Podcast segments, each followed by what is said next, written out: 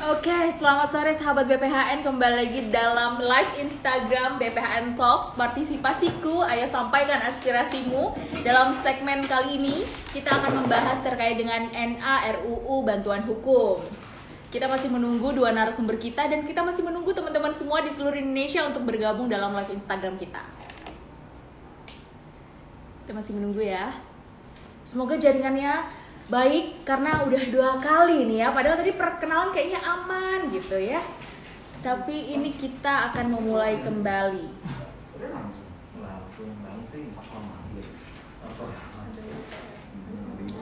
Sahabat BPHN di mana pun anda berada selamat datang di BPHN Talks. Dalam segmen partisipasiku ayo sampaikan aspirasimu dan kembali kita ingatkan bahwa uh, untuk mendukung penataan regulasi ini pemerintah melalui Badan Pembinaan Hukum Nasional, Kementerian Hukum dan Hak Asasi Manusia telah membuat wadah aspirasi untuk seluruh masyarakat uh, Indonesia di mana pun Anda berada dan sudah tergabung dua narasumber kita ya. Kita akan undang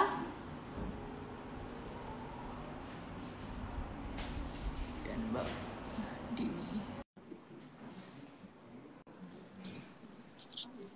Halo, Nurul. Halo, Mbak Dini suaranya kita semoga deg-degan ya kalau live Instagram ini ini jadi berganti tempat ini saya suaranya uh, boleh dicoba nggak dari Budian dan Mbak Dini apakah sudah cukup baik Oke, okay. uh, kedengaran sih. Oke, okay. wah fansnya Mbak Dini udah mulai join live Instagram kita nih. Ditunggu fansnya Budian ya. Oke, okay, tadi di awal kita sudah perkenalan tentang apa itu uh, partisipasiku dan tentunya harapannya setelah live Instagram ini uh, sahabat BPHN dapat mengakses partisipasiku.bphn.go.id supaya uh, ada masukan nih untuk pemerintah, insight dari uh, non pemerintah pandangannya terkait dengan NA RUU bantuan hukum ini dan sudah bergabung bersama kita pada segmen uh, partisipasiku kali ini di BPHN Talks yaitu Ibu Dian selaku Kepala Subit Polhukam Pem SD ALH. Tuh panjang sekali loh jabatannya ini. Jadi kita harus banyak menggali karena cukup banyak pasti pengetahuan yang di, kita dapat pada sore hari ini dari Budian dan kita juga sudah kedatangan JFT perancang peraturan perundang-undangan BPHN Kemenkumham yaitu Mbak Dini, Mbak Ulan Prihandini. Oke, teman-teman, sahabat BPHN semuanya, tadi sudah uh, saya spill bahwa pada sore hari ini kita akan membahas sebuah NA RUU yang masih fresh dan tentunya berkaitan dengan hak rakyat Indonesia untuk mendapat perlindungan hukum yaitu RUU bantuan hukum sudah tergabung bersama kita dua narasumber kita yang qualified, termasuk juga dalam uh, tim penyusunan dari naskah akademik RUU Bantuan Hukum ini sendiri. Sehingga kita akan langsung saja ya untuk bertanya, karena sudah mulai banyak yang join. Oke, okay, untuk pertanyaan pertama mungkin ini sedikit refreshment sih. Kalau pada Instagram Live sebelumnya bersama dengan Pak Tiar, itu kita membahas di awal tentang uh, penyelarasan naskah akademik untuk refreshment kita agar pendengar yaitu sahabat BPHN yang non hukum sendiri juga tahu apa sih NA, apa sih naskah akademik itu. Mungkin boleh dijelaskan terlebih dahulu apa itu naskah akademik dan apa yang dimaksud dengan penyusunan naskah akademik oleh Ibu Dian. Silakan Bu Dian. Baik, terima kasih Mbak Nurul. Apakah cukup jelas ya? Jelas. Oke, selamat sore sebelumnya untuk semua sahabat BPHN ya. Senang sekali uh, apa namanya bisa bergabung di sini bisa saling sharing ya. Nanti mudah-mudahan kita mendapatkan banyak masukan uh, melalui kegiatan ini ya. Uh, baik untuk sekarang kan kita sedang um, uh, forumnya forum partisipasi ya, partisipasi penyusunan naskah akademik. Nah, naskah akademik ini adalah salah satu rangkaian dari uh, proses pembentukan peraturan perundang-undangan. Dia posisinya berada pada uh, perencanaan di awal sekali.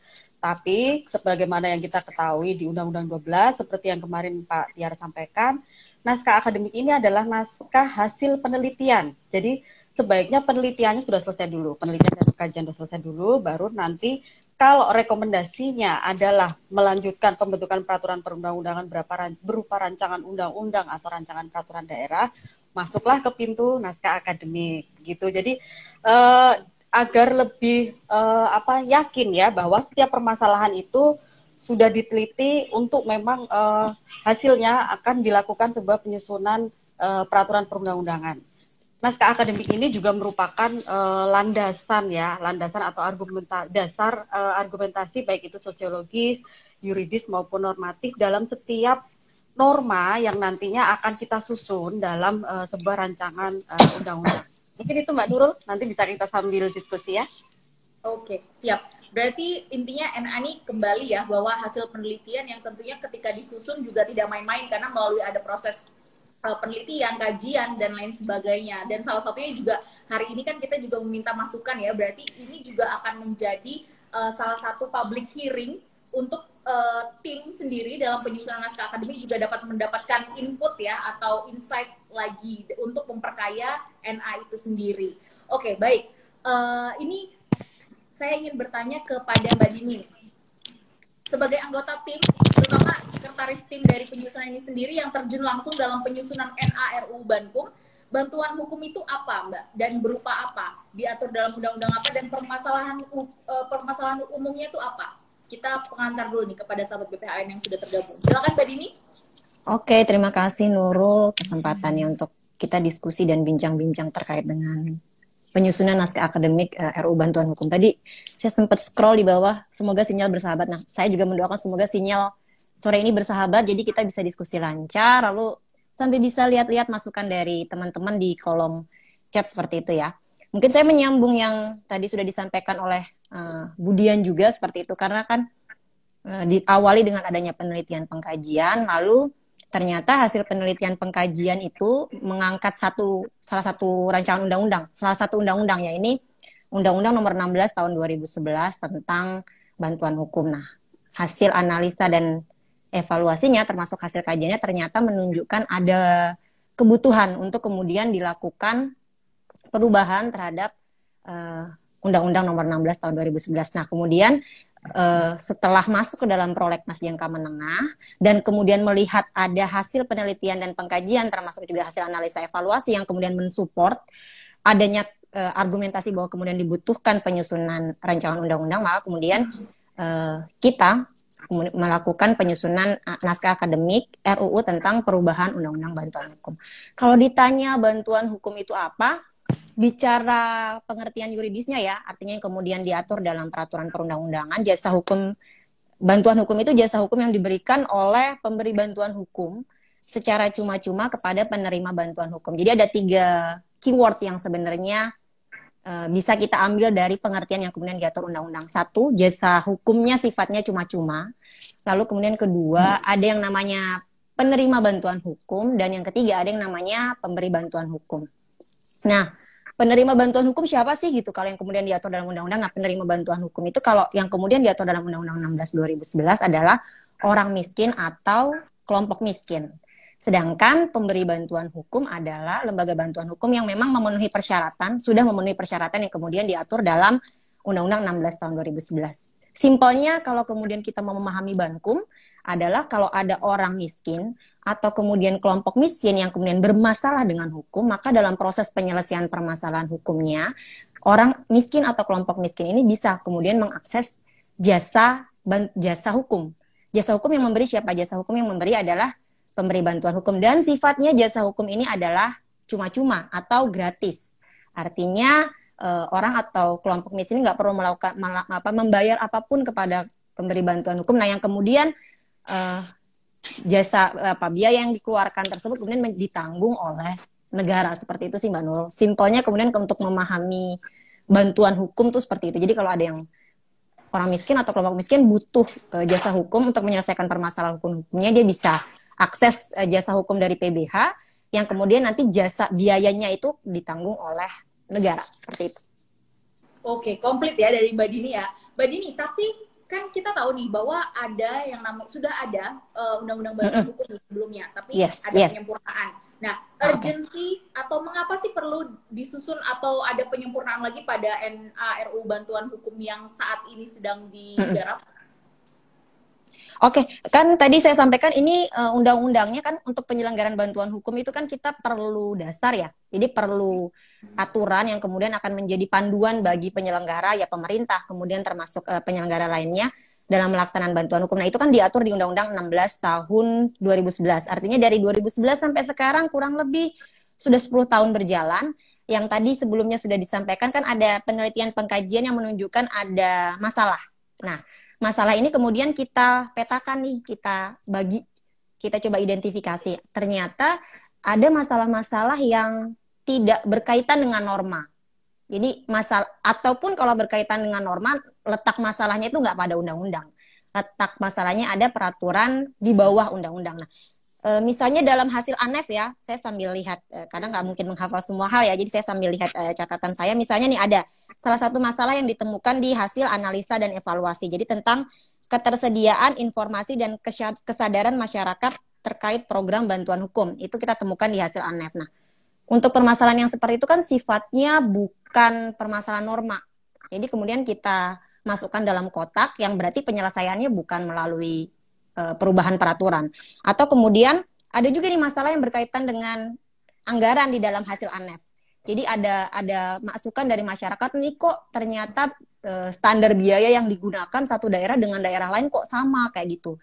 Sedangkan sebenarnya misalnya e, harga di Kalimantan sama harga di Pulau Jawa kan nggak bisa disamakan. Nah, itu juga ada yang kemudian mengusulkan untuk kemudian ditindaklanjuti. Tapi kan perubahannya setelah dilihat dan dievaluasi perubahannya tidak dalam tataran undang-undang. Makanya kita kelompokkan lagi ke dalam kelompok permasalahan yang tidak perlu diselesaikan dengan peraturan perundang-undangan tidak perlu diselesaikan dengan rumusan pasal. Jadi norma itu ya kita tidak perlu menyelesaikan dalam bentuk rumusan pasal dalam undang-undang. Nah, selain itu ternyata dari hasil ANEF dan hasil kajian juga ditemukan tuh Mbak Nurul eh, masalah-masalah yang memang kaitannya dengan pasal-pasal yang ada di dalam Undang-Undang Nomor 16 Tahun 2011. Nah, masalah-masalah itu kemudian kan berarti solusinya adalah kalau ada mas, uh, yang berkaitan dengan peraturan uh, pasal dalam undang-undang, maka solusinya adalah melakukan Eh, perubahan atas pasal pasal-pasal tersebut.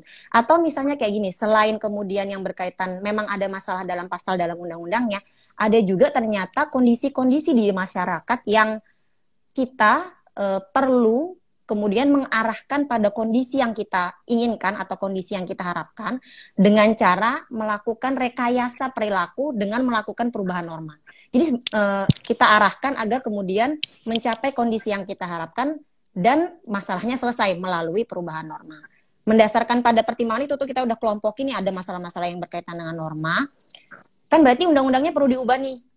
Kalau nggak diubah kan eh, kita berarti tidak menindaklanjuti dong. Kemudian hasil uh, evaluasi kita bahwa ternyata ada permasalahan-permasalahan terhadap norma dan ada kondisi masyarakat yang perlu diselesaikan dengan norma. Nah, dengan mendasarkan pada itu akhirnya kita kita lakukan kemudian penyusunan uh, naskah akademik rancangan undang-undang tentang perubahan undang-undang Bankum. Di lain sisi memang uh, perubahan uh, penyusunan naskah akademik itu kan memang disyaratkan oleh Undang-Undang Nomor 12 uh, eh, tahun 2011 kayak gitu ya, Mbak Nurul. Di pasal 43 itu kemudian diatur bahwa rancangan undang-undang yang berasal dari DPR, Presiden atau DPD itu kemudian harus disertai dengan naskah akademik. Uh, jadinya kalau kemudian kita mau mengajukan usul perubahan terhadap suatu undang-undang dalam RUU, ya kita harus nyusun NA-nya, itu normatifnya. Tapi selain normatif, tadi sudah disampaikan juga oleh Budian pada sesi awal, naskah akademik itu argumentasi sebenarnya. Argumentasi kenapa kemudian suatu norma berubah. Jadi kalau ada orang yang nanya, lo kenapa sih pasal sekian di undang-undang sekian diubah? Ya dasarnya bisa dilihat di NA. Di NA itu kita bisa lihat misalnya ada pasal X dalam undang-undang A yang berubah, maka kita bisa lihat apa masalah yang kemudian mendasari suatu pasal diubah. Ada masalah apa sih kok sampai pasalnya itu perlu diubah? Lalu kemudian kita juga bisa temukan sebenarnya apa kondisi yang diharapkan oleh pembentuk undang-undang untuk menyelesaikan permasalahan tersebut.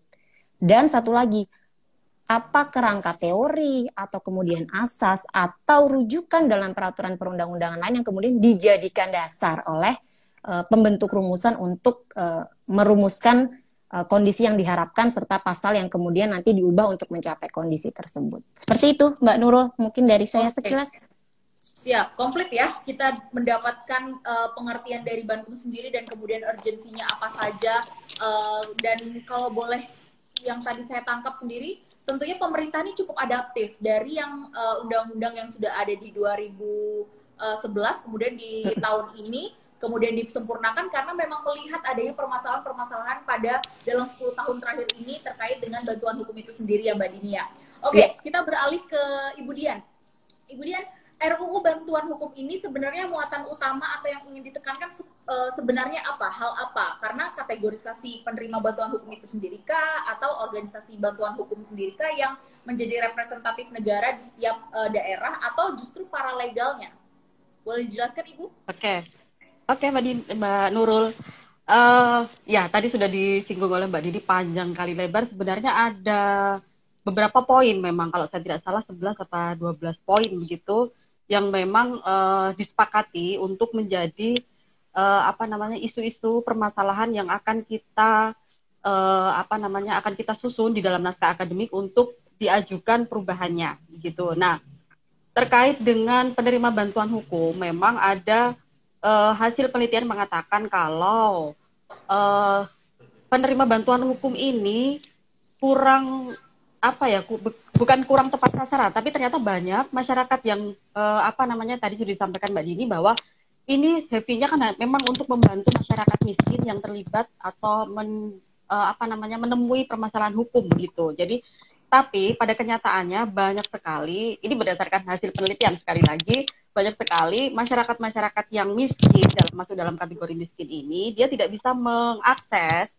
tidak bisa mendapatkan uh, bantuan hukum yang disediakan oleh negara ini. Nah, uh, memang uh, tadi sudah disampaikan Mbak Dini juga, berdasarkan hasil penelitian ada keinginan atau ada rekomendasi untuk uh, apa ya memperbaiki rumusan, uh, memperluas bahwa uh, penerima bantuan hukum ini akan mencakup tidak hanya masyarakat miskin saja.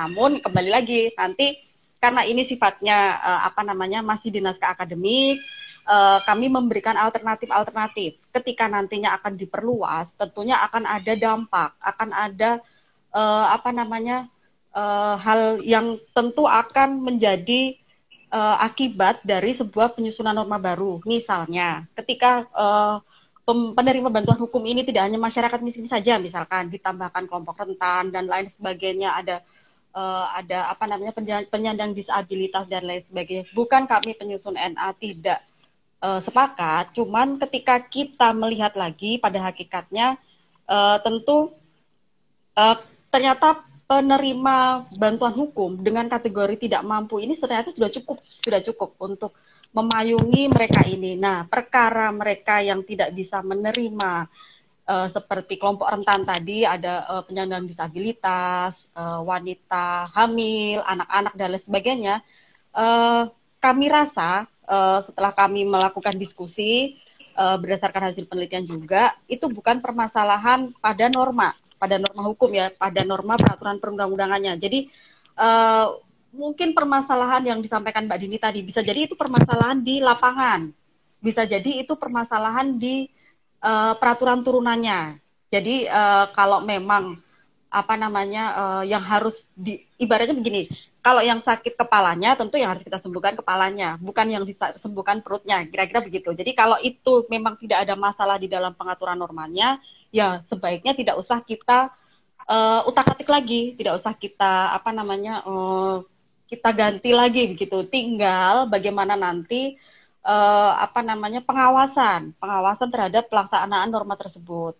Lalu yang kedua adalah terkait dengan integritas pemberi bantuan hukum atau OBH ya di sini integritas. Nah, kembali lagi kalau masalah integritas tentu itu bukan masalah norma. Itu bukan masalah di dalam peraturan perundang-undangan dalam sebuah undang-undang begitu ya. Itu kembali lagi itu adalah di masalah pengawasan dan masalah uh, budaya hukum. Jadi nanti uh, undang-undang bisa memberikan uh, pencegahan berupa pengawasan, bagaimana caranya, lalu apa yang akan dilakukan, sanksi dan lain sebagainya. Tapi ternyata ada lagi yang lebih urgent untuk uh, diatur terkait dengan uh, OBH ini atau pemberi bantuan hukum. Di uh, berdasarkan hasil penelitian juga ternyata uh, uh, ini apa persebaran persebaran pen, pemberi bantuan hukum atau OBH ini belum merata ternyata masih terkonsentrasi di uh, banyak kota-kota yang kota-kota besar atau kota-kota yang masih mudah diakses, yang apa namanya kota kota-kota besar begitu ya. Nah, ternyata masyarakat yang ada di daerah-daerah terpencil begitu itu belum bisa menikmati belum bisa menikmati uh, belum bisa menikmati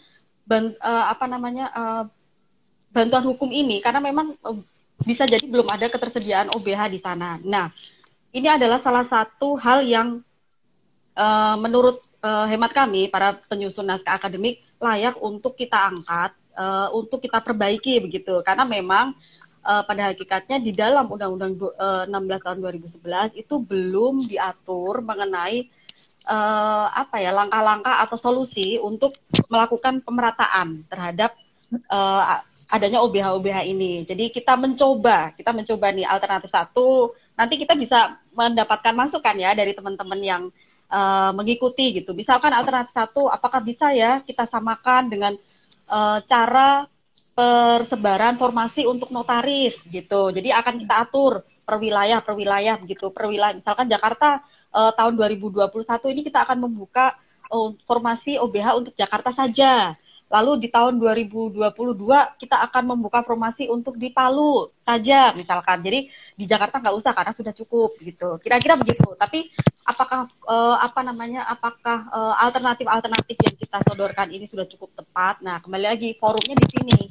Silakan teman-teman uh, untuk nanti bisa melihat oh kayaknya kurang cocok deh kalau menggunakan uh, apa namanya formasi uh, pemilihan formasi seperti itu. Bisa nih kami mempunyai uh, apa namanya solusi yang lain nih terkait untuk penyebaran OBH ini biar lebih merata gitu. Namun kembali lagi karena naskah akademik ini uh, adalah naskah uh, ilmiah gitu ya untuk mendukung sebuah rancangan undang-undang begitu sebaiknya kalau kita memberikan masukan itu uh, dampingi dengan teori yang cukup valid, yang cukup kuat gitu lalu uh, juga lebih baik didasarkan dengan data-data. Jadi kami juga bisa melihatnya, oh memang ini masukannya uh, bisa dipertanggungjawabkan secara ilmiah.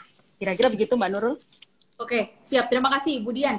Uh, ini berarti kita kembali ya bahwa tujuan dari live Instagram kita sendiri, kemudian tujuan dari partisipasiku ini juga ingin uh, mendengar aspirasi dari teman-teman yang ada di daerah, solusi dari teman-teman da di daerah karena tadi sudah dipaparkan oleh Budian sendiri bahwa memang masih ada kendala nih sejak dari 10 tahun ini tuh satu kendala yang ketara adalah OBH kita tuh yang belum merata di 33 provinsi bahkan kebanyakan hanya di kota-kota besar uh, di provinsi yang besar bahkan. Bisa jadi Maluku Tenggara tuh tidak ada yang tidak ada OBH yang mm. mengakses itu. Bahkan untuk datang ke Jakarta untuk mendaftarkannya atau meskipun sekarang udah ada basis online tapi masih ada kesulitan. Untuk itu di sini teman-teman semua yang sudah tergabung sahabat BPHN yang sudah bergabung dalam live Instagram kita sekali lagi kita informasikan bahwa BPHN ini punya loh partisipasiku yaitu aplikasi daring berbasis situs web yang ditujukan untuk menampung aspirasi masyarakat agar dapat berpartisipasi dalam tahapan perencanaan pembentukan peraturan perundang-undangan mulai dari tahapan penyusunan, penyelarasan hingga kegiatan analisis dan evaluasi peraturan perundang-undangan sehingga teman-teman di sini semua bisa akses di partisipasiku.bphn.go.id ya. Jadi langsung saja setelah insta, uh, setelah live Instagram ini atau bahkan sekarang sambil buka webnya uh, untuk kepoin partisipasi kuti apa apa sih? Dan mau masukin apa? Kalian ingin memasukkan ide-ide apa atau solusi apa nih untuk negara ini? Terutama terkait dengan NA RUU bantuan hukum. Oke kita kembali ke pertanyaan selanjutnya. Uh, lagi-lagi kepada Ibu Dian karena tadi sudah membahas uh, cukup banyak mensentil tentang OBH atau PBH sendiri bagaimana sebenarnya gambaran permasalahan ketersediaan OBH atau kondisi ideal yang ingin dicapai kan Bu uh, tersebar di seluruh uh, daerah tapi dari substansi materi bantuan hukum RUU bantuan hukum ini sendiri sebenarnya apa yang diinginkan baik secara idealis penyusunnya atau uh, realitanya yang ada. Oke, terima, terima kasih Mbak Nurul. Ya, Terima kasih Mbak Nurul. Jadi kalau uh, kembali lagi, uh, ini adalah undang-undang perubahan ya, undang-undang perubahan. Jadi kita ingin mencoba untuk lebih menyempurnakan lagi. Ternyata di dalam Undang-Undang uh, Nomor 16 Tahun 2011 itu uh, apa belum diatur tentang uh, apa namanya uh, OBH ini atau pemberi, peneri, pemberi bantuan hukum ini dengan lebih detail terkait untuk pemerataan. Jadi masih sangat umum. Ya kita bisa memaklumi lah tahun 2011 sekarang sudah 10 tahun ya. Layak lah kalau di awal-awal mungkin pemerintah memang membuka seluas-luasnya. Jadi siapa saja ayo ikut gitu. Tapi ya uh, kembali lagi yang tadi Mbak Nurul sampaikan ternyata uh, dalam kurun waktu 10 tahun ini, kalau kita bisa melihat berdasarkan hasil penelitian, eh, data-data yang disampaikan oleh teman-teman, terutama dari pusat penyuluhan dari dari LBH Jakarta, LBH begitu, ternyata masih banyak loh masyarakat-masyarakat yang di uh, wilayah yang jauh dari jangkauan uh, apa namanya kota gitu untuk mendapatkan akses uh, apa namanya keadilan ini uh, untuk dilayani begitulah ibaratnya untuk menerima bantuan hukum. Nah, kalau kita ingin melihat ternyata uh, di pengadilan itu sudah cukup maju gitu. Kalau kita mau membandingkan gitu ya, kalau kita mau membandingkan, mereka mengadakan adanya pengadilan keliling. Pengadilan keliling, jadi mereka meskipun misalnya pengadilan itu ada di kota besar, tapi mereka berusaha menjangkau masyarakat-masyarakat uh, yang ada di perbatasan misalkan yang ada di wilayah-wilayah yang yang tadi Mbak Nurul sampaikan, wah dia kesulitan untuk mendapatkan akses pergi ke kota gitu. Jadi tidak semua masyarakat kita ini uh, mempunyai transportasi yang cukup baik begitu ya. Nah, ternyata di pengadilan mereka sudah cukup berinovasi untuk memberikan layanan pengadilan keliling. Bagaimana kalau kita sambut hal itu dengan uh, apa namanya ya melakukan pemerataan juga terhadap pemberi bantuan hukum. Nah kita ingin men mencoba nih kalau gitu kita mencoba, ayo gimana caranya nih? Nah yang tadi saya sampaikan dari pilihan pertama adalah kita akan mencoba meniru uh, apa namanya uh, penyebaran formasi untuk notaris gitu. Kita akan misalkan untuk dibuat per wilayah gitu. Misalkan tahun ini wilayah ini, tahun ini wilayah ini, tahun ini wilayah ini. Cuman ya kembali lagi apakah itu cukup tepat? Apakah itu uh, mempunyai dasar yang kuat karena kalau dari sisi uh, filosofisnya tentu berbeda ya pemberi bantuan hukum itu kan non komersil sementara kalau notaris kan komersil gitu ya apakah itu bisa disamakan gitu nah itu yang kami butuh sangat butuh masukan karena uh, apa namanya uh, keterbatasan kami tim penyusun naskah akademik dan kembali lagi data-data penelitian jadi kalau bisa ayo kami dikasih masukan lagi uh, bisa jadi ada contoh formasi yang lain, persebaran formasi yang lain yang bisa yang lebih cocok digunakan untuk penyebaran OBH ini. Gitu Mbak Nurul. Wah, mantap sekali. Itu lagi-lagi Budian, bahkan Mbak Dini juga narasumber kita dan BPHM sendiri sangat terbuka untuk rekan-rekan di seluruh Indonesia, sahabat BPHM di mana pun Anda berada di Indonesia untuk memberikan masukan ini kepada negara karena memang masih ada permasalahan terkait dengan pemerataan jumlah OBH yang ada di Indonesia. Uh, untuk itu kita untuk mensukseskan akses keadilan ini bisa didapat oleh seluruh masyarakat Indonesia juga butuh adanya pemerataan mungkin juga Instagram Live ini menjadi edukasi juga yang bisa disebarkan oleh teman-teman semua sahabat GPHN di mana pun kalian berada bahwa ada loh bantuan hukum gratis dan tapi ada beberapa persyaratan yang memang harus uh, bisa dipenuhi seperti itu. Oke, okay, kita kembali ke Mbak Dini. Mbak Dini, ini saya akan menyinggung terkait dengan hal yang cukup sensitif sih. Bagaimana gambaran permasalahan anggaran dan kondisi okay. idealnya yang ingin dicapai? Silakan Mbak Dini. Oke, Mbak Nurul tadi nih sempat juga sih lihat di live chat di bawah nih ada yang nanya e, kenapa kemudian nggak anggarannya aja yang kemudian dibesarin, kenapa malah uh, undang-undangnya yang berubah seperti itu. Nah, uh, isu anggarannya emang uh, menarik perhatian banyak orang ya karena uh, tentu dengan semakin banyak uh, masyarakat atau kelompok miskin atau orang miskin kemudian kita capai, maka kita perlu nih dukungan anggaran yang tentunya semakin besar. Jadi cak, uh, jangkauan dan cakupannya bisa makin besar. Nah, sementara selama ini kan uh, konteksnya kalau di aturannya di undang-undangnya kan sumber utama dari anggaran itu kan ada di APBN ya, kayak gitu. Walaupun memang tidak menutup sumber-sumber lain seperti dari hibah atau sumber uh, pendanaan yang sifatnya tidak mengikat undang-undang juga sebenarnya membuka gitu uh, peluang bagi uh, daerah untuk ikut mengalokasikan anggaran Nah, bagi daerah-daerah yang kemudian mau mengalokasikan anggaran, uh, nanti uh, penyelenggaraan pengalokasian itu kemudian diatur dalam uh, peraturan daerah seperti itu. Nah, ternyata 10 tahun, lagi-lagi 10 tahun kemudian sejak disahkan di tahun 2011, kita dihadapkan pada fakta ternyata memang uh, partisipasi daerah dalam penganggaran atau pengalokasian dana bantuan hukum itu belum sepenuhnya optimal kayak gitu ya.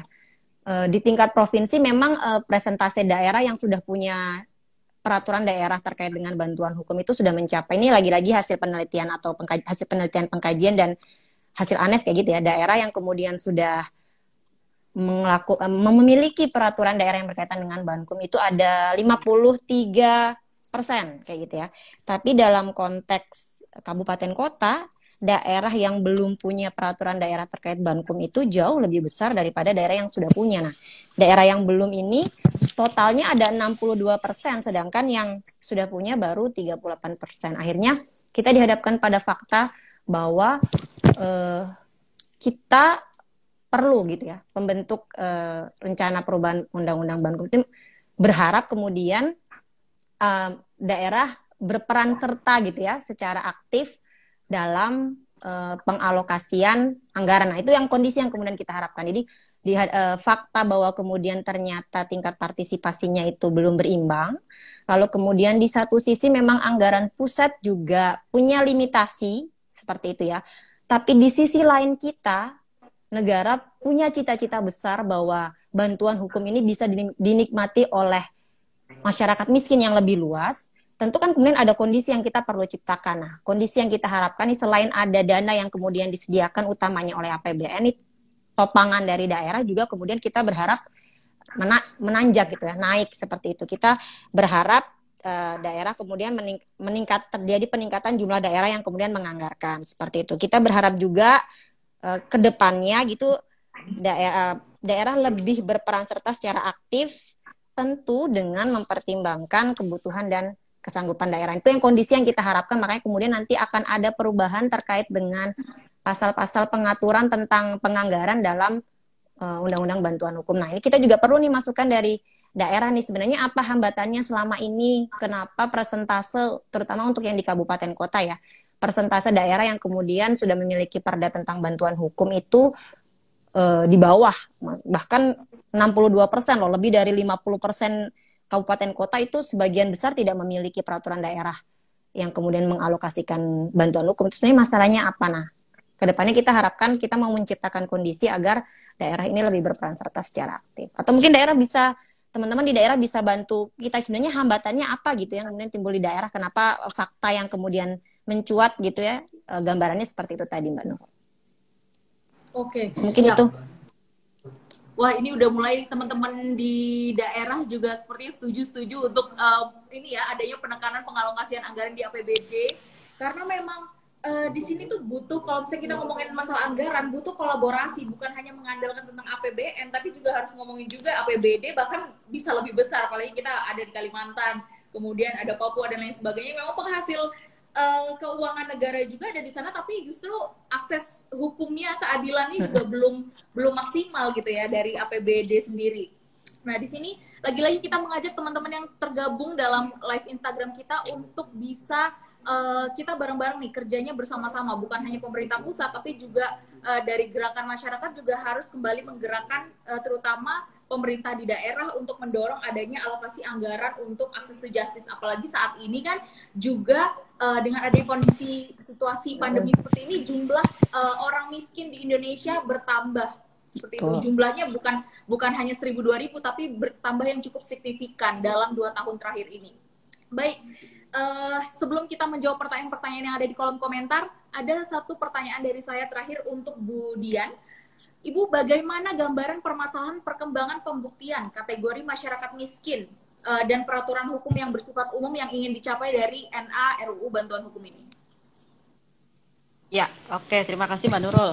Uh, pembuktian itu maksudnya kalau dinormakan itu kalau kita melihat di Undang-Undang 16 tahun 2011 itu dia masuknya ada di syarat Uh, jadi dia harus membuktikan bahwa dia itu memang layak untuk mendapatkan uh, bantuan hukum begitu. Nah, salah satu syaratnya yang ada di undang-undang adalah uh, dia harus menunjukkan surat keterangan miskin.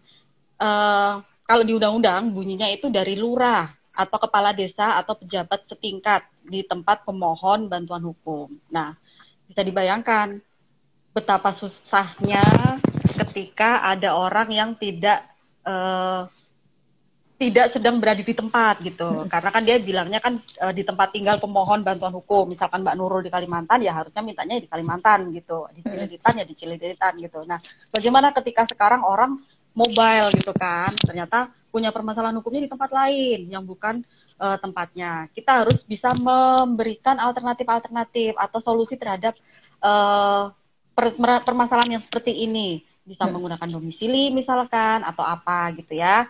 Tentu uh, banyak sekali hal-hal yang terkait dengan uh, permasalahan ini termasuk eh, permasalahan norma ini ya. Lalu yang kedua adalah terkait dengan surat keterangan miskin. Walaupun di dalam uh, norma undang-undang itu surat keterangan miskinnya itu bukan berhuruf besar yang kita maknai berarti bukan nomenklatur sebuah surat gitu atau yang kita kenal surat uh, kalau yang kita kenal kan surat keterangan yang menyatakan bahwa kita itu miskin atau tidak mampu itu kan SKTM gitu ya SKTM. Nah ternyata uh, berdasarkan hasil penelitian dan berdasarkan uh, apa namanya masukan dari teman-teman yang di lapangan para OBH ini mereka mengatakan kalau hanya menggunakan SKTM saja itu susah karena yang tadi Mbak Nurul bilang uh, dalam kondisi pandemik ini ternyata banyak loh orang yang tadinya mampu menjadi tiba-tiba tidak mampu gitu. Mm -hmm. Padahal kalau kita melihat eh, syarat-syarat uh, yang bisa uh, apa namanya dipenuhi untuk mendapatkan SKTM itu salah satunya uh, ada rekomendasi misalkan dari RT, RW setempat atau kelurahan setempat yang menyatakan misalkan oh memang rumahnya tidak layak huni, dia tidak punya sanitasi yang baik, dia tidak punya penghasilan dan lain sebagainya. Mungkin itu uh, satu bulan kemarin orang itu tidak dalam posisi itu. Hmm. Namun tiba-tiba minggu ini atau bulan depan dia dalam posisi itu, namun rumahnya masih bagus. Tapi dia tiba-tiba di PHK, dia tiba-tiba mengalami musibah yang memang uh, menjadi pilot atau dan lain sebagainya begitu ya. Nah tentu ini harus kita jembatani karena kan uh, agak susah untuk membu uh, apa ya untuk untuk serta merta mengeluarkan SKTM yang uh, dia berbasiskan data normatifnya itu misalkan dilihat yang tadi itu dari rumahnya, dari apa namanya uh, pekerjaannya, berapa kali dia makan, ternyata itu uh, harus dipenuhi. Nah itu kan agak susah, agak sulit ternyata. Nah uh, dalam perkembangannya sebenarnya uh, teman-teman di lapangan itu mencoba mensiasati memang kalau memang susah untuk mendapatkan SKTM itu bisa menggunakan jenis-jenis kartu atau apa ya namanya uh, tanda yang lain gitu. Misalkan BLT atau eh apa ya namanya ya jam kesmas ya. Jamin kartu jam kesmas gitu. Kartu BLT kartu keluarga sejahtera kartu beras miskin dan lain sebagainya. Nah kalau memang itu bisa digunakan dan memang itu bisa lebih fleksibel untuk menyatakan uh, bahwa orang itu memang tidak mampu dan dia berhak untuk mendapatkan bantuan hukum. Kita mencoba mengakomodir eh, hal-hal uh, tersebut, kita mengusulkan itu menjadi salah satu alternatif. Alternatif pilihan yang bisa kita gunakan untuk memperluas syarat-syarat pembuktian bahwa seorang tersebut memang layak atau pantas untuk mendapatkan bantuan hukum. Nah, berarti memang akan ada perubahan norma di dalam Undang-Undang 12. Di sini ter kita bisa melihat nanti di pasal 14 itu memang harus kita perbaiki gitu. Kira-kira begitu Mbak Nurul. Oke, menarik nih.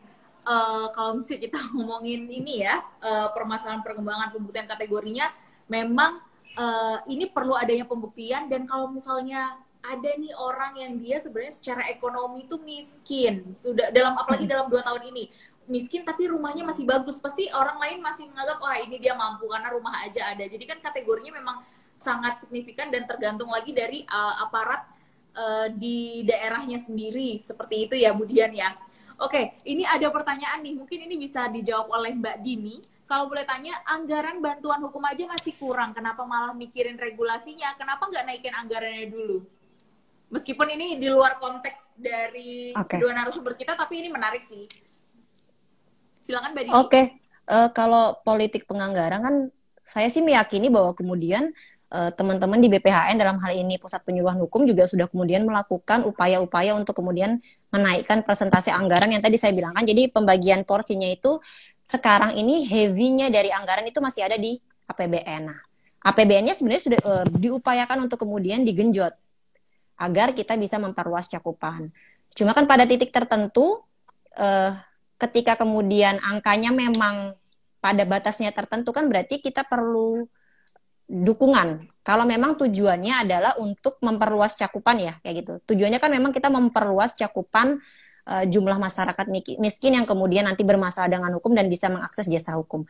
Kalau kemudian dengan persentase anggaran sekarang itu kemudian jumlahnya uh, jumlah penerimanya sekian, maka kita kan tentu berharap tahun depan naik eh, tahun depan naik. Tahun depannya masyarakat miskin apalagi dengan fakta yang tadi Mbak Nurul sampaikan kan dua tahun terakhir ini jumlah masyarakat miskin uh, naik ya seperti itu. Kalau kemudian kita berharap uh, anggaran APBN terus kemudian bisa mencakup semua tentu uh, apa penanggung jawab berupaya untuk menaikkan. Tapi kan memang APBN juga punya punya punya berat yang harus ditanggung ya. Selain persoalan bantuan hukum tentu ada Eh, hal-hal uh, lain yang kemudian juga perlu ditanggung oleh APBN. Akhirnya memang kan solusinya adalah bagaimana ada anggaran yang apalagi sebenarnya sekarang sudah dibuka ya oleh undang-undang bahwa sebenarnya kan daerah juga bisa gitu. Hanya memang uh, faktanya ternyata belum partisipasinya belum aktif nih. Makanya kemudian kita mengupayakan uh, agar pasal yang kemudian nanti berkaitan dengan anggaran itu bisa menumbuhkan peran aktif dari daerah untuk kemudian bisa ikut nih mengalokasikan anggaran. Jadi yang tadinya belum enam, belum punya pengalokasian anggaran sebesar 62% ini kita berharap dengan adanya perubahan uh, pasal atau kemudian perubahan undang-undang itu kemudian berubah semua kemudian jadi uh, berbondong-bondong untuk ikut serta melakukan pengalokasian anggaran bantuan hukum seperti itu. Seperti itu Mbak Nurul sahabat BPHN sepertinya juga kita kalau misalnya ingin mengandalkan APBN pasti tentunya ada limitation ya. Tapi kalau misalnya kita juga perlu tahu bahwa kita juga ada nih di negara kita ada pro bono. Jadi itu anggaran yang juga yes. uh, diadakan oleh uh, advokat ya. Para advokat itu punya uh, pro bono, kemudian di beberapa daerah juga memang ada pemberian bantuan hukum juga tapi saya uh, belum dapat beberapa kota-kota nama nama kota pastinya tapi memang ada di daerah di beberapa daerah itu pemberi bantuan hukum dan itu asalnya dari APBD. Oke, okay, yes, ada pertanyaan. Mungkin itu Mbak Nurul. Hmm. Jadi harapannya yang tadi terakhir Mbak Nurul bilang daerah-daerah yang kemudian sudah mengalokasikan anggaran tadinya hanya 38% itu kita berharap dengan adanya rekayasa norma nih bisa naik jumlahnya. Jadi Betul. bisa berbarengan antara APBN dan APBD saling support jadi cakupan masyarakat yang bisa mengakses bantuan hukum itu semakin luas. Seperti itu. Menjadi harapan kita bersama ya itu Mbak Dini. Oke, Budian, uh, saya ada pertanyaan lagi nih dari tetangga sekitar saya. Ini mulai bertanya-tanya ini. Adakah standar jumlah ideal lembaga bantuan hukum di tiap daerah, Ibu? Oke. Okay. Uh, ya, makasih Mbak Nurul. Sebenarnya kalau standar uh, kuantitatif gitu ya, maksudnya uh, hitungnya no angka gitu mungkin nggak bisa juga. Tapi uh, kita bisa melihatnya begini. Ini pernah menjadi diskusi kami pada waktu menyusun naskah terkait dengan penyebaran formasi ini adalah uh, mungkin orang-orang yang di wilayah eh di kota-kota besar pasti ini baru asumsi ya karena memang tidak ada data-data penelitian yang valid. Kita berasumsi bahwa orang-orang yang tinggal di kota-kota yang lebih uh, ramai lebih padat dengan uh, arus ekonominya kemungkinan besar mereka lebih banyak bermasalah dengan hukum. Uh, asumsi yang ke, asumsinya adalah mereka tentu akan lebih banyak berhadapan dengan permasalahan-permasalahan hukum, sehingga uh, memang kalau misalkan di, di wilayah di kota-kota besar seperti Jakarta dan lain Jabodetabek dan lain sebagainya itu wajar ketika jumlah dalam artian kuanti gitu kuantitatifnya itu kalau dilihat dengan angka lebih besar karena satu masyarakatnya juga pasti lebih banyak, lebih padat, ekonomi aktivitas ekonominya juga lebih banyak, uh, permasalahan hukumnya lebih banyak, tentu dia membutuhkan uh, pemberi bantuan hukum atau OBH-nya yang lebih banyak. Sementara masyarakat yang di wilayah uh, susah untuk jangkauan perekonomiannya, kegiatan perekonomiannya gitu, uh, kita berasumsi bahwa mungkin tidak terlalu banyak ya permasalahan-permasalahan terkait dengan hukum gitu. Jadi uh, memang kalau dari sisi kuanti kalau kita boleh bilang ya cukup dua atau tiga lah OBH di sana gitu. Sementara kalau di Jakarta bisa sampai 10 gitu misalkan karena itu tadi uh, kita melihat dari tingkat kepadatan masyarakatnya, ke penduduknya, lalu kita melihat dari uh, apa namanya ya uh, perekonomian dan lain sebagainya. Kira-kira begitu Mbak Nurul? Oke, okay, baik. Uh, ada banyak ya klasifikasinya yang harus memang dipertimbangkan hmm, kembali. Betul. betul. Oke, okay, uh, kita jawab pertanyaan di kolom lagi. Mungkin ini untuk Mbak Dini. Izin bertanya, prosesnya mana yang lebih dahulu? penelitian dulu kah atau analisis evaluasi dulu sehingga diputuskan suatu peraturan perlu direvisi. Ini tadi uh, relate sama pertanyaan yang ada di atas, apakah RUU bantuan hukum yang sebelumnya itu sudah dianalisis dan evaluasi? Oke, okay, jadi kan oke okay, uh, eh, sebenarnya gini, setelah suatu undang-undang disahkan dan berlaku, kan kemudian ada yang melakukan memang analisa evaluasi terhadap undang-undangnya langsung, tapi ada juga yang misalnya uh, penelitian kayak misalnya konteks undang-undang bantuan hukum ini. Penelitian dan pekajiannya uh, berjalan di tahun yang sama dengan analisa evaluasinya. Karena hakikatnya kan yang dilakukan sama kayak gitu ya Mbak. Jadi uh, ANEF kemudian mengevaluasi undang-undang Bankum. Penelitian pengkajian juga melakukan uh, evaluasi atas undang-undang uh, Bankum juga. Jadi sebenarnya sequence-nya itu hasil ANEF bisa kemudian hasil penelitian pengkajian bisa menjadi sumber untuk ANEF seperti itu. Uh, jadi apa yang kemudian ditemukan di penelitian bisa kemudian ditelaah lebih lanjut dalam ANEF untuk kemudian karena ANEF kan punya rekomendasi ya seperti itu ya. Rekomendasi apakah kemudian suatu per, suatu pasal harus berubah atau kemudian pasalnya harus atau kemudian undangnya harus dicabut. Jadi sebenarnya bisa saling menggunakan sih seperti itu, Mbak. Oke. Okay uh, ini lanjut ke Mbak Dini dulu kali ya karena kita tadi udah ngebahas sedikit menyentil tentang pro bono. Berkaitan dengan anggaran, apakah NA RUU Bankum juga menyinggung tentang pro bono advokat atau bahkan tentang kolaborasi dengan pos Bankum di pengadilan? Silakan Mbak Dini. Oh, Oke, okay. kalau terkait dengan pro bono, jadi uh, pro bono itu kan wilayah pengaturannya ada di Undang-Undang Advokat sendiri. Jadi rezimnya sendiri-sendiri Mbak. Kalau rezim uh, Undang-Undang Advokat ya dia mengatur bahwa kemudian uh, advokat punya kewajiban untuk pro bono menggrat, menggat, apa ya, menggratiskan bagi masyarakat yang kemudian menggunakan jasa dari advokat. Kalau dalam konteks bantuan hukum itu kan konteksnya pemberi bantuan hukum. Pemberi bantuan hukum itu lembaga bantuan hukum yang kemudian memenuhi persyaratan uh, yang diatur dalam undang-undang kayak gitu.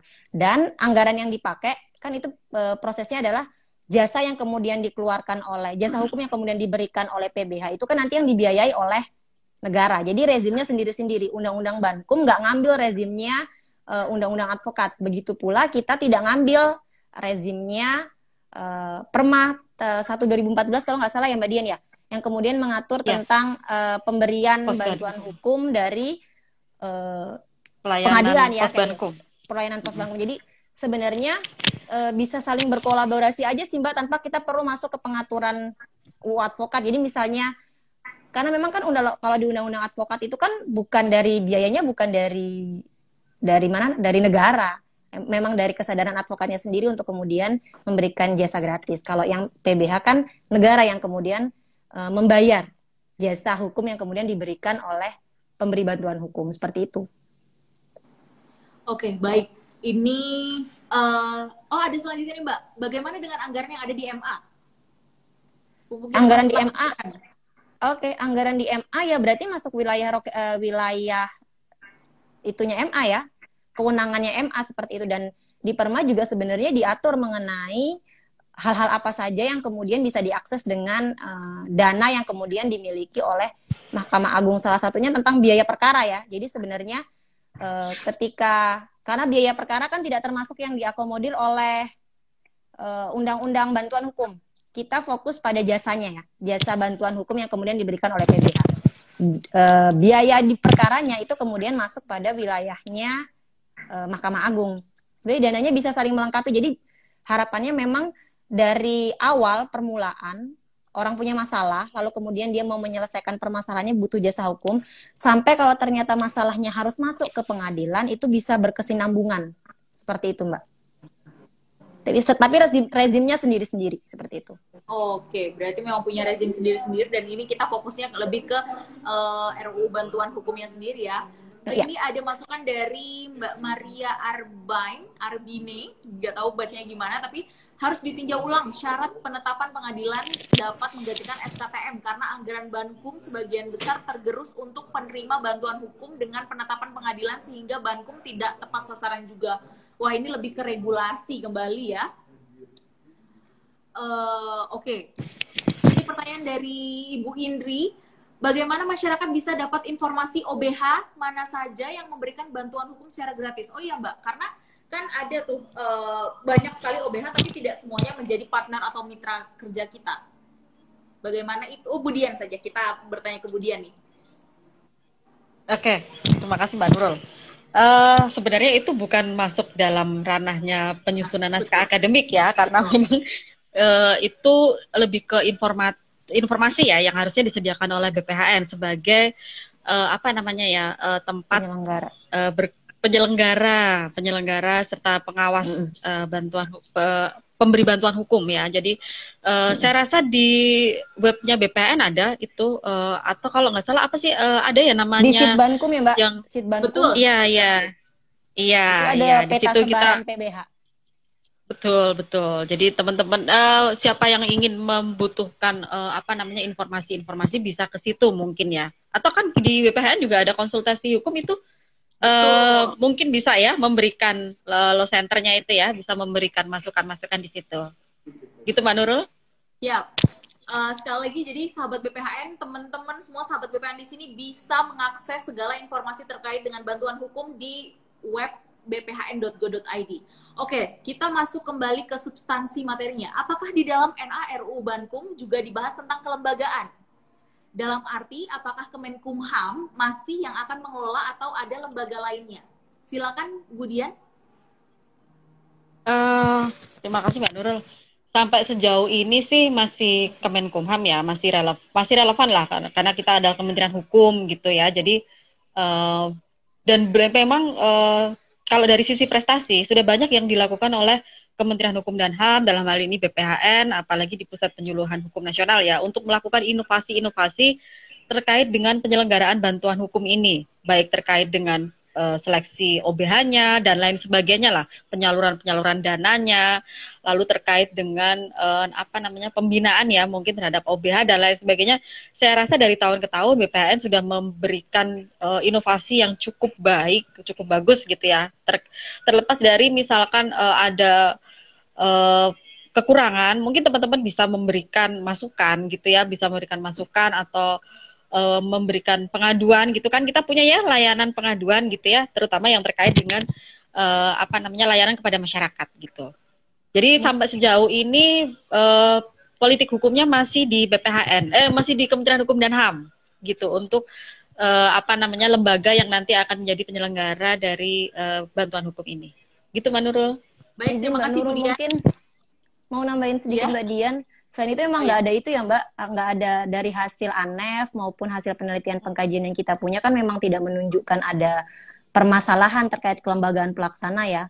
Jadi memang ya tadi ya, seperti Mbak Dian bilang, kalau memang masih relevan, masih optimal dan memang tidak ada sekali lagi kan perubahan itu perlu argumentasi ya. Kalau memang tidak ada penelitian atau pengkajian yang memang merekomendasikan, berarti kan memang tidak ada masalah terkait norma seperti itu. Oke, okay. terima kasih ya. tambahannya Mbak Dini. Oke, ini kita ada lagi di kolom komentar pertanyaan. Oh, ini tadi sudah kita sempat mention nih Mbak Dini tentang paralegal. Bagaimana peran paralegal di dalam RUU Bankum ini? Apakah ada rencana diperkuat dengan kolaborasi dengan penyuluhan hukum di seluruh Indonesia, khususnya terkait pembentukan kelompok sadar hukum dari Voi underscore Novita? Kalau kemudian penguatan paralegal, kalau melihat kemarin hasil penelitian atau pengkajian. Tapi mungkin tapi masukan dari Mbak Fuli ini bisa jadi bahan pertimbangan buat kita juga ya. Sebenarnya sejauh ini hasil penelitian pengkajiannya memang melihat tadi fakta bahwa kemudian jumlah OBH tidak merata. Bisa jadi kan karena memang uh, tidak uh, jumlah advokatnya, jum, uh, lembaga bantuan hukum itu kan berisi advokat ya, didirikannya oleh advokat yang bisa jadi karena jumlahnya advokat yang tidak merata kan memang akhirnya uh, jumlah berimbas juga pada uh, jumlah OBH yang kemudian menjadi PBH itu tidak merata. Nah, uh, kalau arah kita sedang memikirkan juga sih apakah kemudian uh, cara mengkondisikannya dengan mengikut sertakan paralegal sebagai bagian yang kemudian bisa uh, menjadi syarat untuk uh, sesuatu uh, OBH menjadi PBH seperti itu.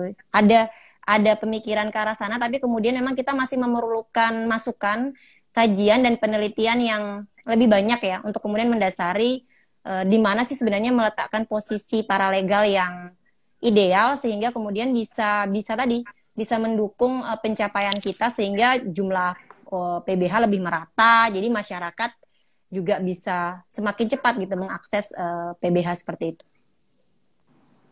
Oke, baik. Terima kasih Mbak Dini. Satu lagi Mbak Dini yang terakhir, apakah NA melibatkan part, uh, praktisi yang ber uh, yang bergerak seperti LBH, YLBHI dan lain-lain?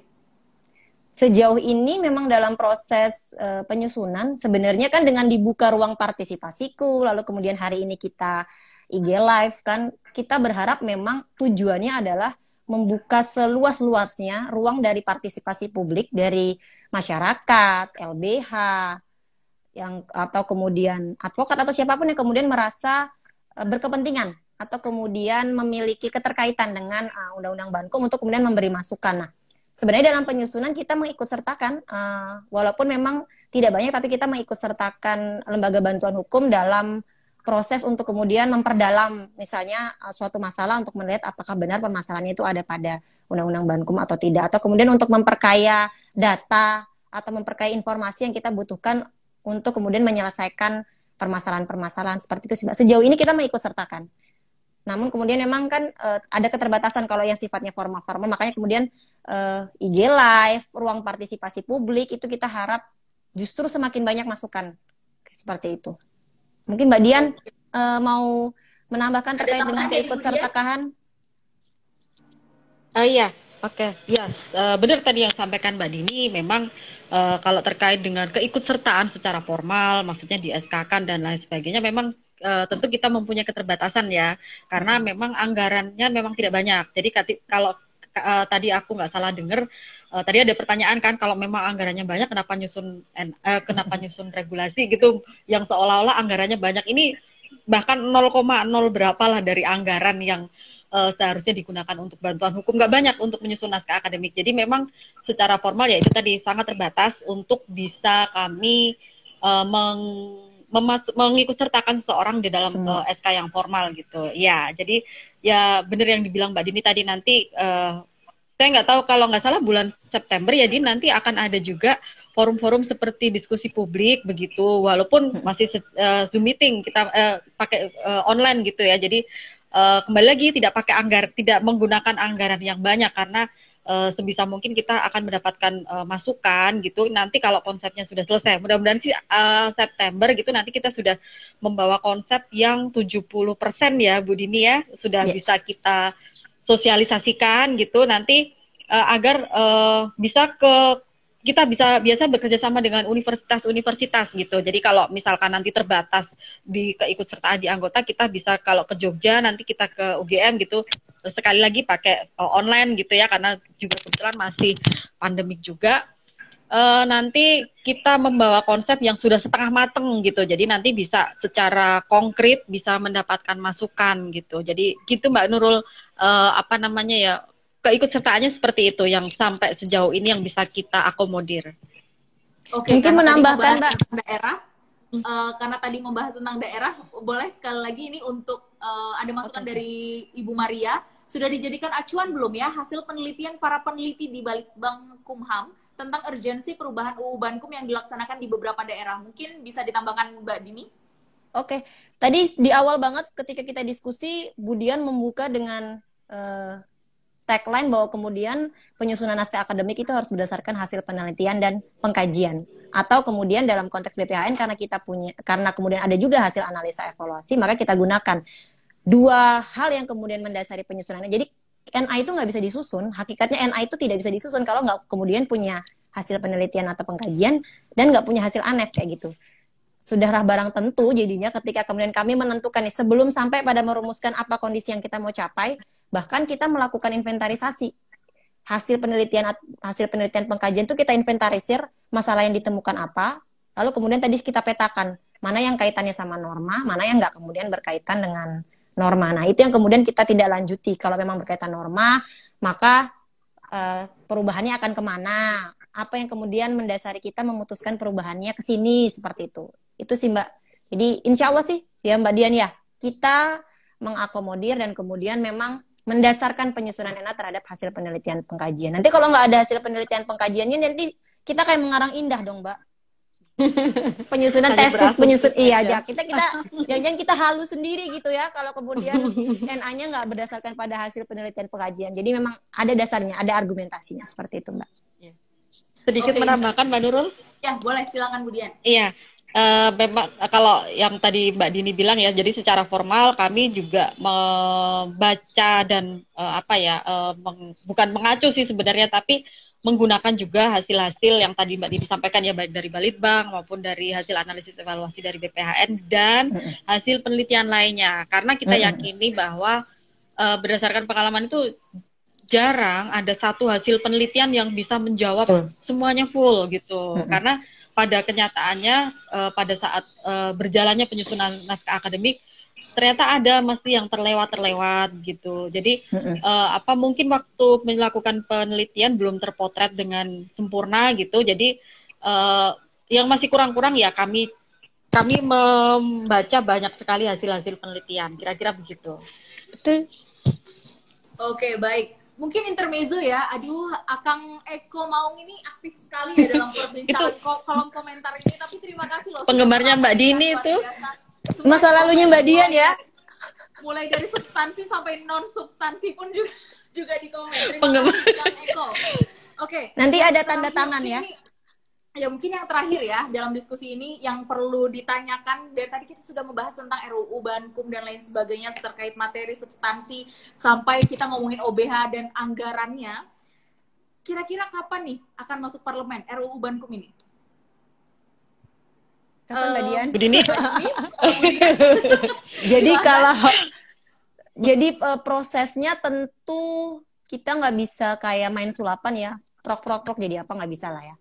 Karena kan memang uh, ini juga sedang dalam proses dan baru September besok seperti disampaikan oleh Budian, paling nggak kita sudah ada uh, eh, NA-nya itu sudah 80 persen lah ya. 70 70 ya. sampai 80 persen kemudian from mulai dari isu sampai dengan uh, pilihan kebijakan.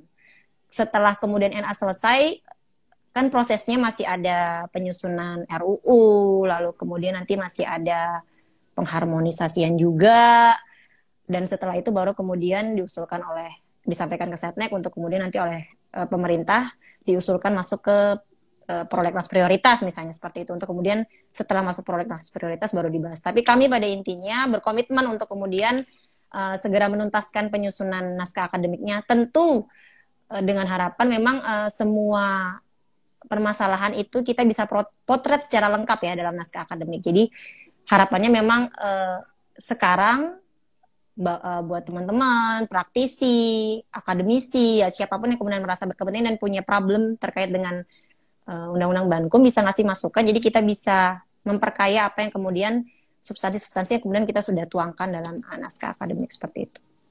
Semoga bisa menuntaskan secara, secara prosesnya secara tepat kayak gitu ya Mbak. Kalau cepat kan e, cepat itu harapannya cepat dan tepat, tapi kalau kemudian kita memang butuh proses ya harapannya memang sesuai dengan kebutuhan seperti itu.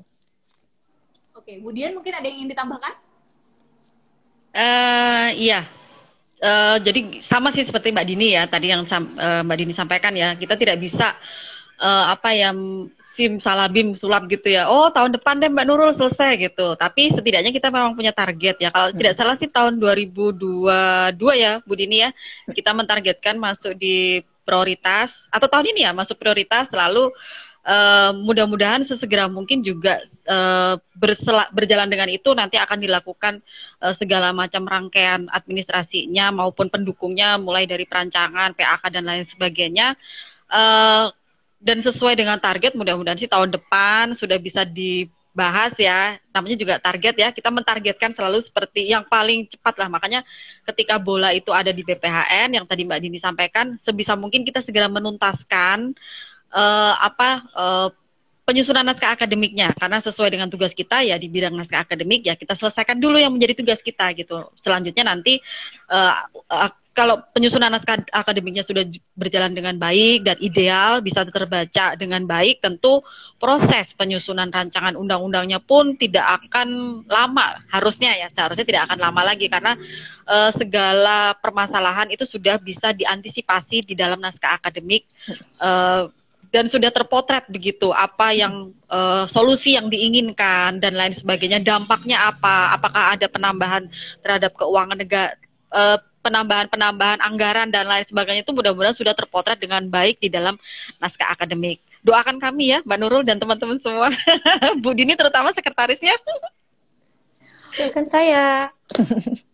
Oke, sahabat sahabat BPHN tadi kita sudah mendengarkan langsung ya dari kedua narasumber kita uh, ternyata kita masih ada waktu loh. Semua sahabat BPHN di mana pun Anda berada di seluruh Indonesia, kita masih punya waktu untuk bisa memberikan aspirasi kita, masukan-masukan kita kepada NARU bantuan hukum ini sendiri.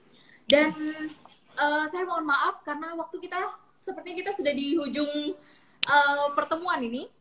Dan saya sangat senang karena sore hari ini kita mendapatkan banyak sekali mas, uh, masukan, insight, dan juga dari semua sahabat BPHN yang ter, join dalam live Instagram ini luar biasa. Banyak sekali masukannya terutama suara-suara dari daerah. Ini memang yang hal yang sangat kita butuhkan ya masukan dari uh, daerah terutama.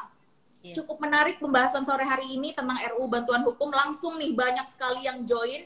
Uh, karena memang ketika kita berbicara tentang bantuan hukum uh, terutama kepada masyarakat miskin ini memang hal yang sangat dibutuhkan oleh masyarakat pada saat ini. Apalagi dalam dua tahun ini jumlah uh, masyarakat miskin semakin bertambah, kemudian banyak masyarakat kita yang belum uh, paham hukum atau melek hukum bahwa ketika ada permasalahan hukum, saya harus ke mana ya? Uh, pengacara, saya tidak ada uang nih untuk membayar pengacara. Selalu mindsetnya adalah uh, ketika bermasalah hukum, untuk mendapatkan uh, keadilan harus punya uang yang banyak untuk bisa dilindungi mendapatkan keadilan itu sendiri sehingga saya rasa kita semua harapannya sama baik dari narasumber maupun rekan-rekan sahabat BPHN yang terhubung atau yang mengikuti live Instagram sore hari ini bahwa RUU ini harus segera disahkan. RUU ini harus uh, menjadi urgensi dari negara ini karena sangat dibutuhkan oleh masyarakat kita di seluruh Indonesia termasuk juga tadi persebaran OBH sendiri harapannya jumlah OBH semakin banyak, kemudian juga merata di seluruh Indonesia, terutama bukan hanya di kota-kota besar, tapi juga di uh, provinsi atau kota-kota kecil, sehingga memang masyarakat kita betul-betul mendapatkan perlindungan dari negara seperti itu. Harapannya juga RUU Bankum segera disahkan, tersosialisasikan ke masyarakat dengan baik dan tentunya harapan utamanya ialah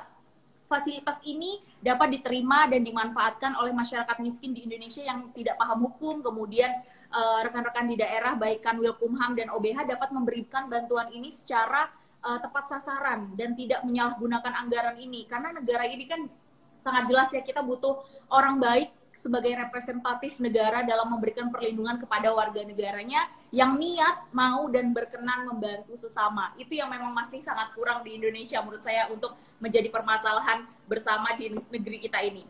Sahabat BPHN, apabila kalian yang menyaksikan tayangan ini memiliki aspirasi yang perlu disuarakan, kami sangat open sekali, bahkan silahkan share kepada banyak orang untuk menyuarakan aspirasinya di partisipasiku.bphn.go.id. Sudah waktunya bersuara, bukan lagi protes, hanya sekedar protes di jalan, tapi bersuara untuk memberikan solusi kepada negara ini melalui partisipasiku.bp. Kita sama-sama ingin Indonesia bangkit, Indonesia tumbuh, Indonesia tangguh. Jangan hanya sekedar jargon, tapi juga harus menjadi lebih baik terutama di bidang hukumnya dan ini kita membutuhkan partisipasi dari seluruh masyarakat di Indonesia, seluruh sahabat BPHN di sini. Untuk itu kami mengajak sekali lagi kepada masyarakat di seluruh Indonesia di mana pun kalian berada, mari bersama membangun regulasi yang berkualitas di partisipasiku. Sekali lagi kami ucapkan terima kasih kepada narasumber kita Ibu Dian dan Mbak Dini atas waktunya. Terima kasih Nurul di hari Jumat menyambut menyambut weekend tapi malah kita ganggu tapi nggak apa-apa ya kita memberikan edukasi kepada seluruh masyarakat tentang uh, kita pemerintah uh, sangat adaptif loh dalam menyempurnakan RUU Bankum uh, saat ini. Seperti itu. Uh, saya Nurul bersama seluruh kru yang bertugas ruangan ini gak padat sih tapi ada beberapa orang yang membantu saya di balik layar dan adalah orang-orang yang luar biasa uh, kami bertugas dan mohon uh, undur diri. Sampai jumpa di BPHM Talk segmen partisipasiku lainnya yang pastinya akan lebih menarik pembahasannya. Dan kita akan membahas atau mungkin uh, sahabat BPHM di sini ingin merekomendasikan kita bahas NA RUU apa ya?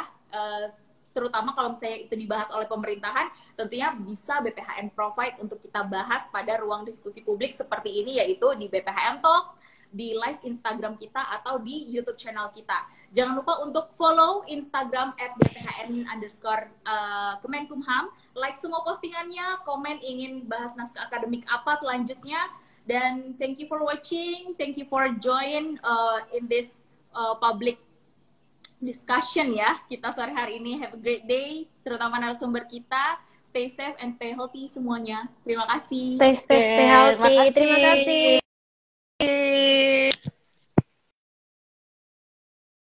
Sehat-sehat. Sehat semuanya. Kita end.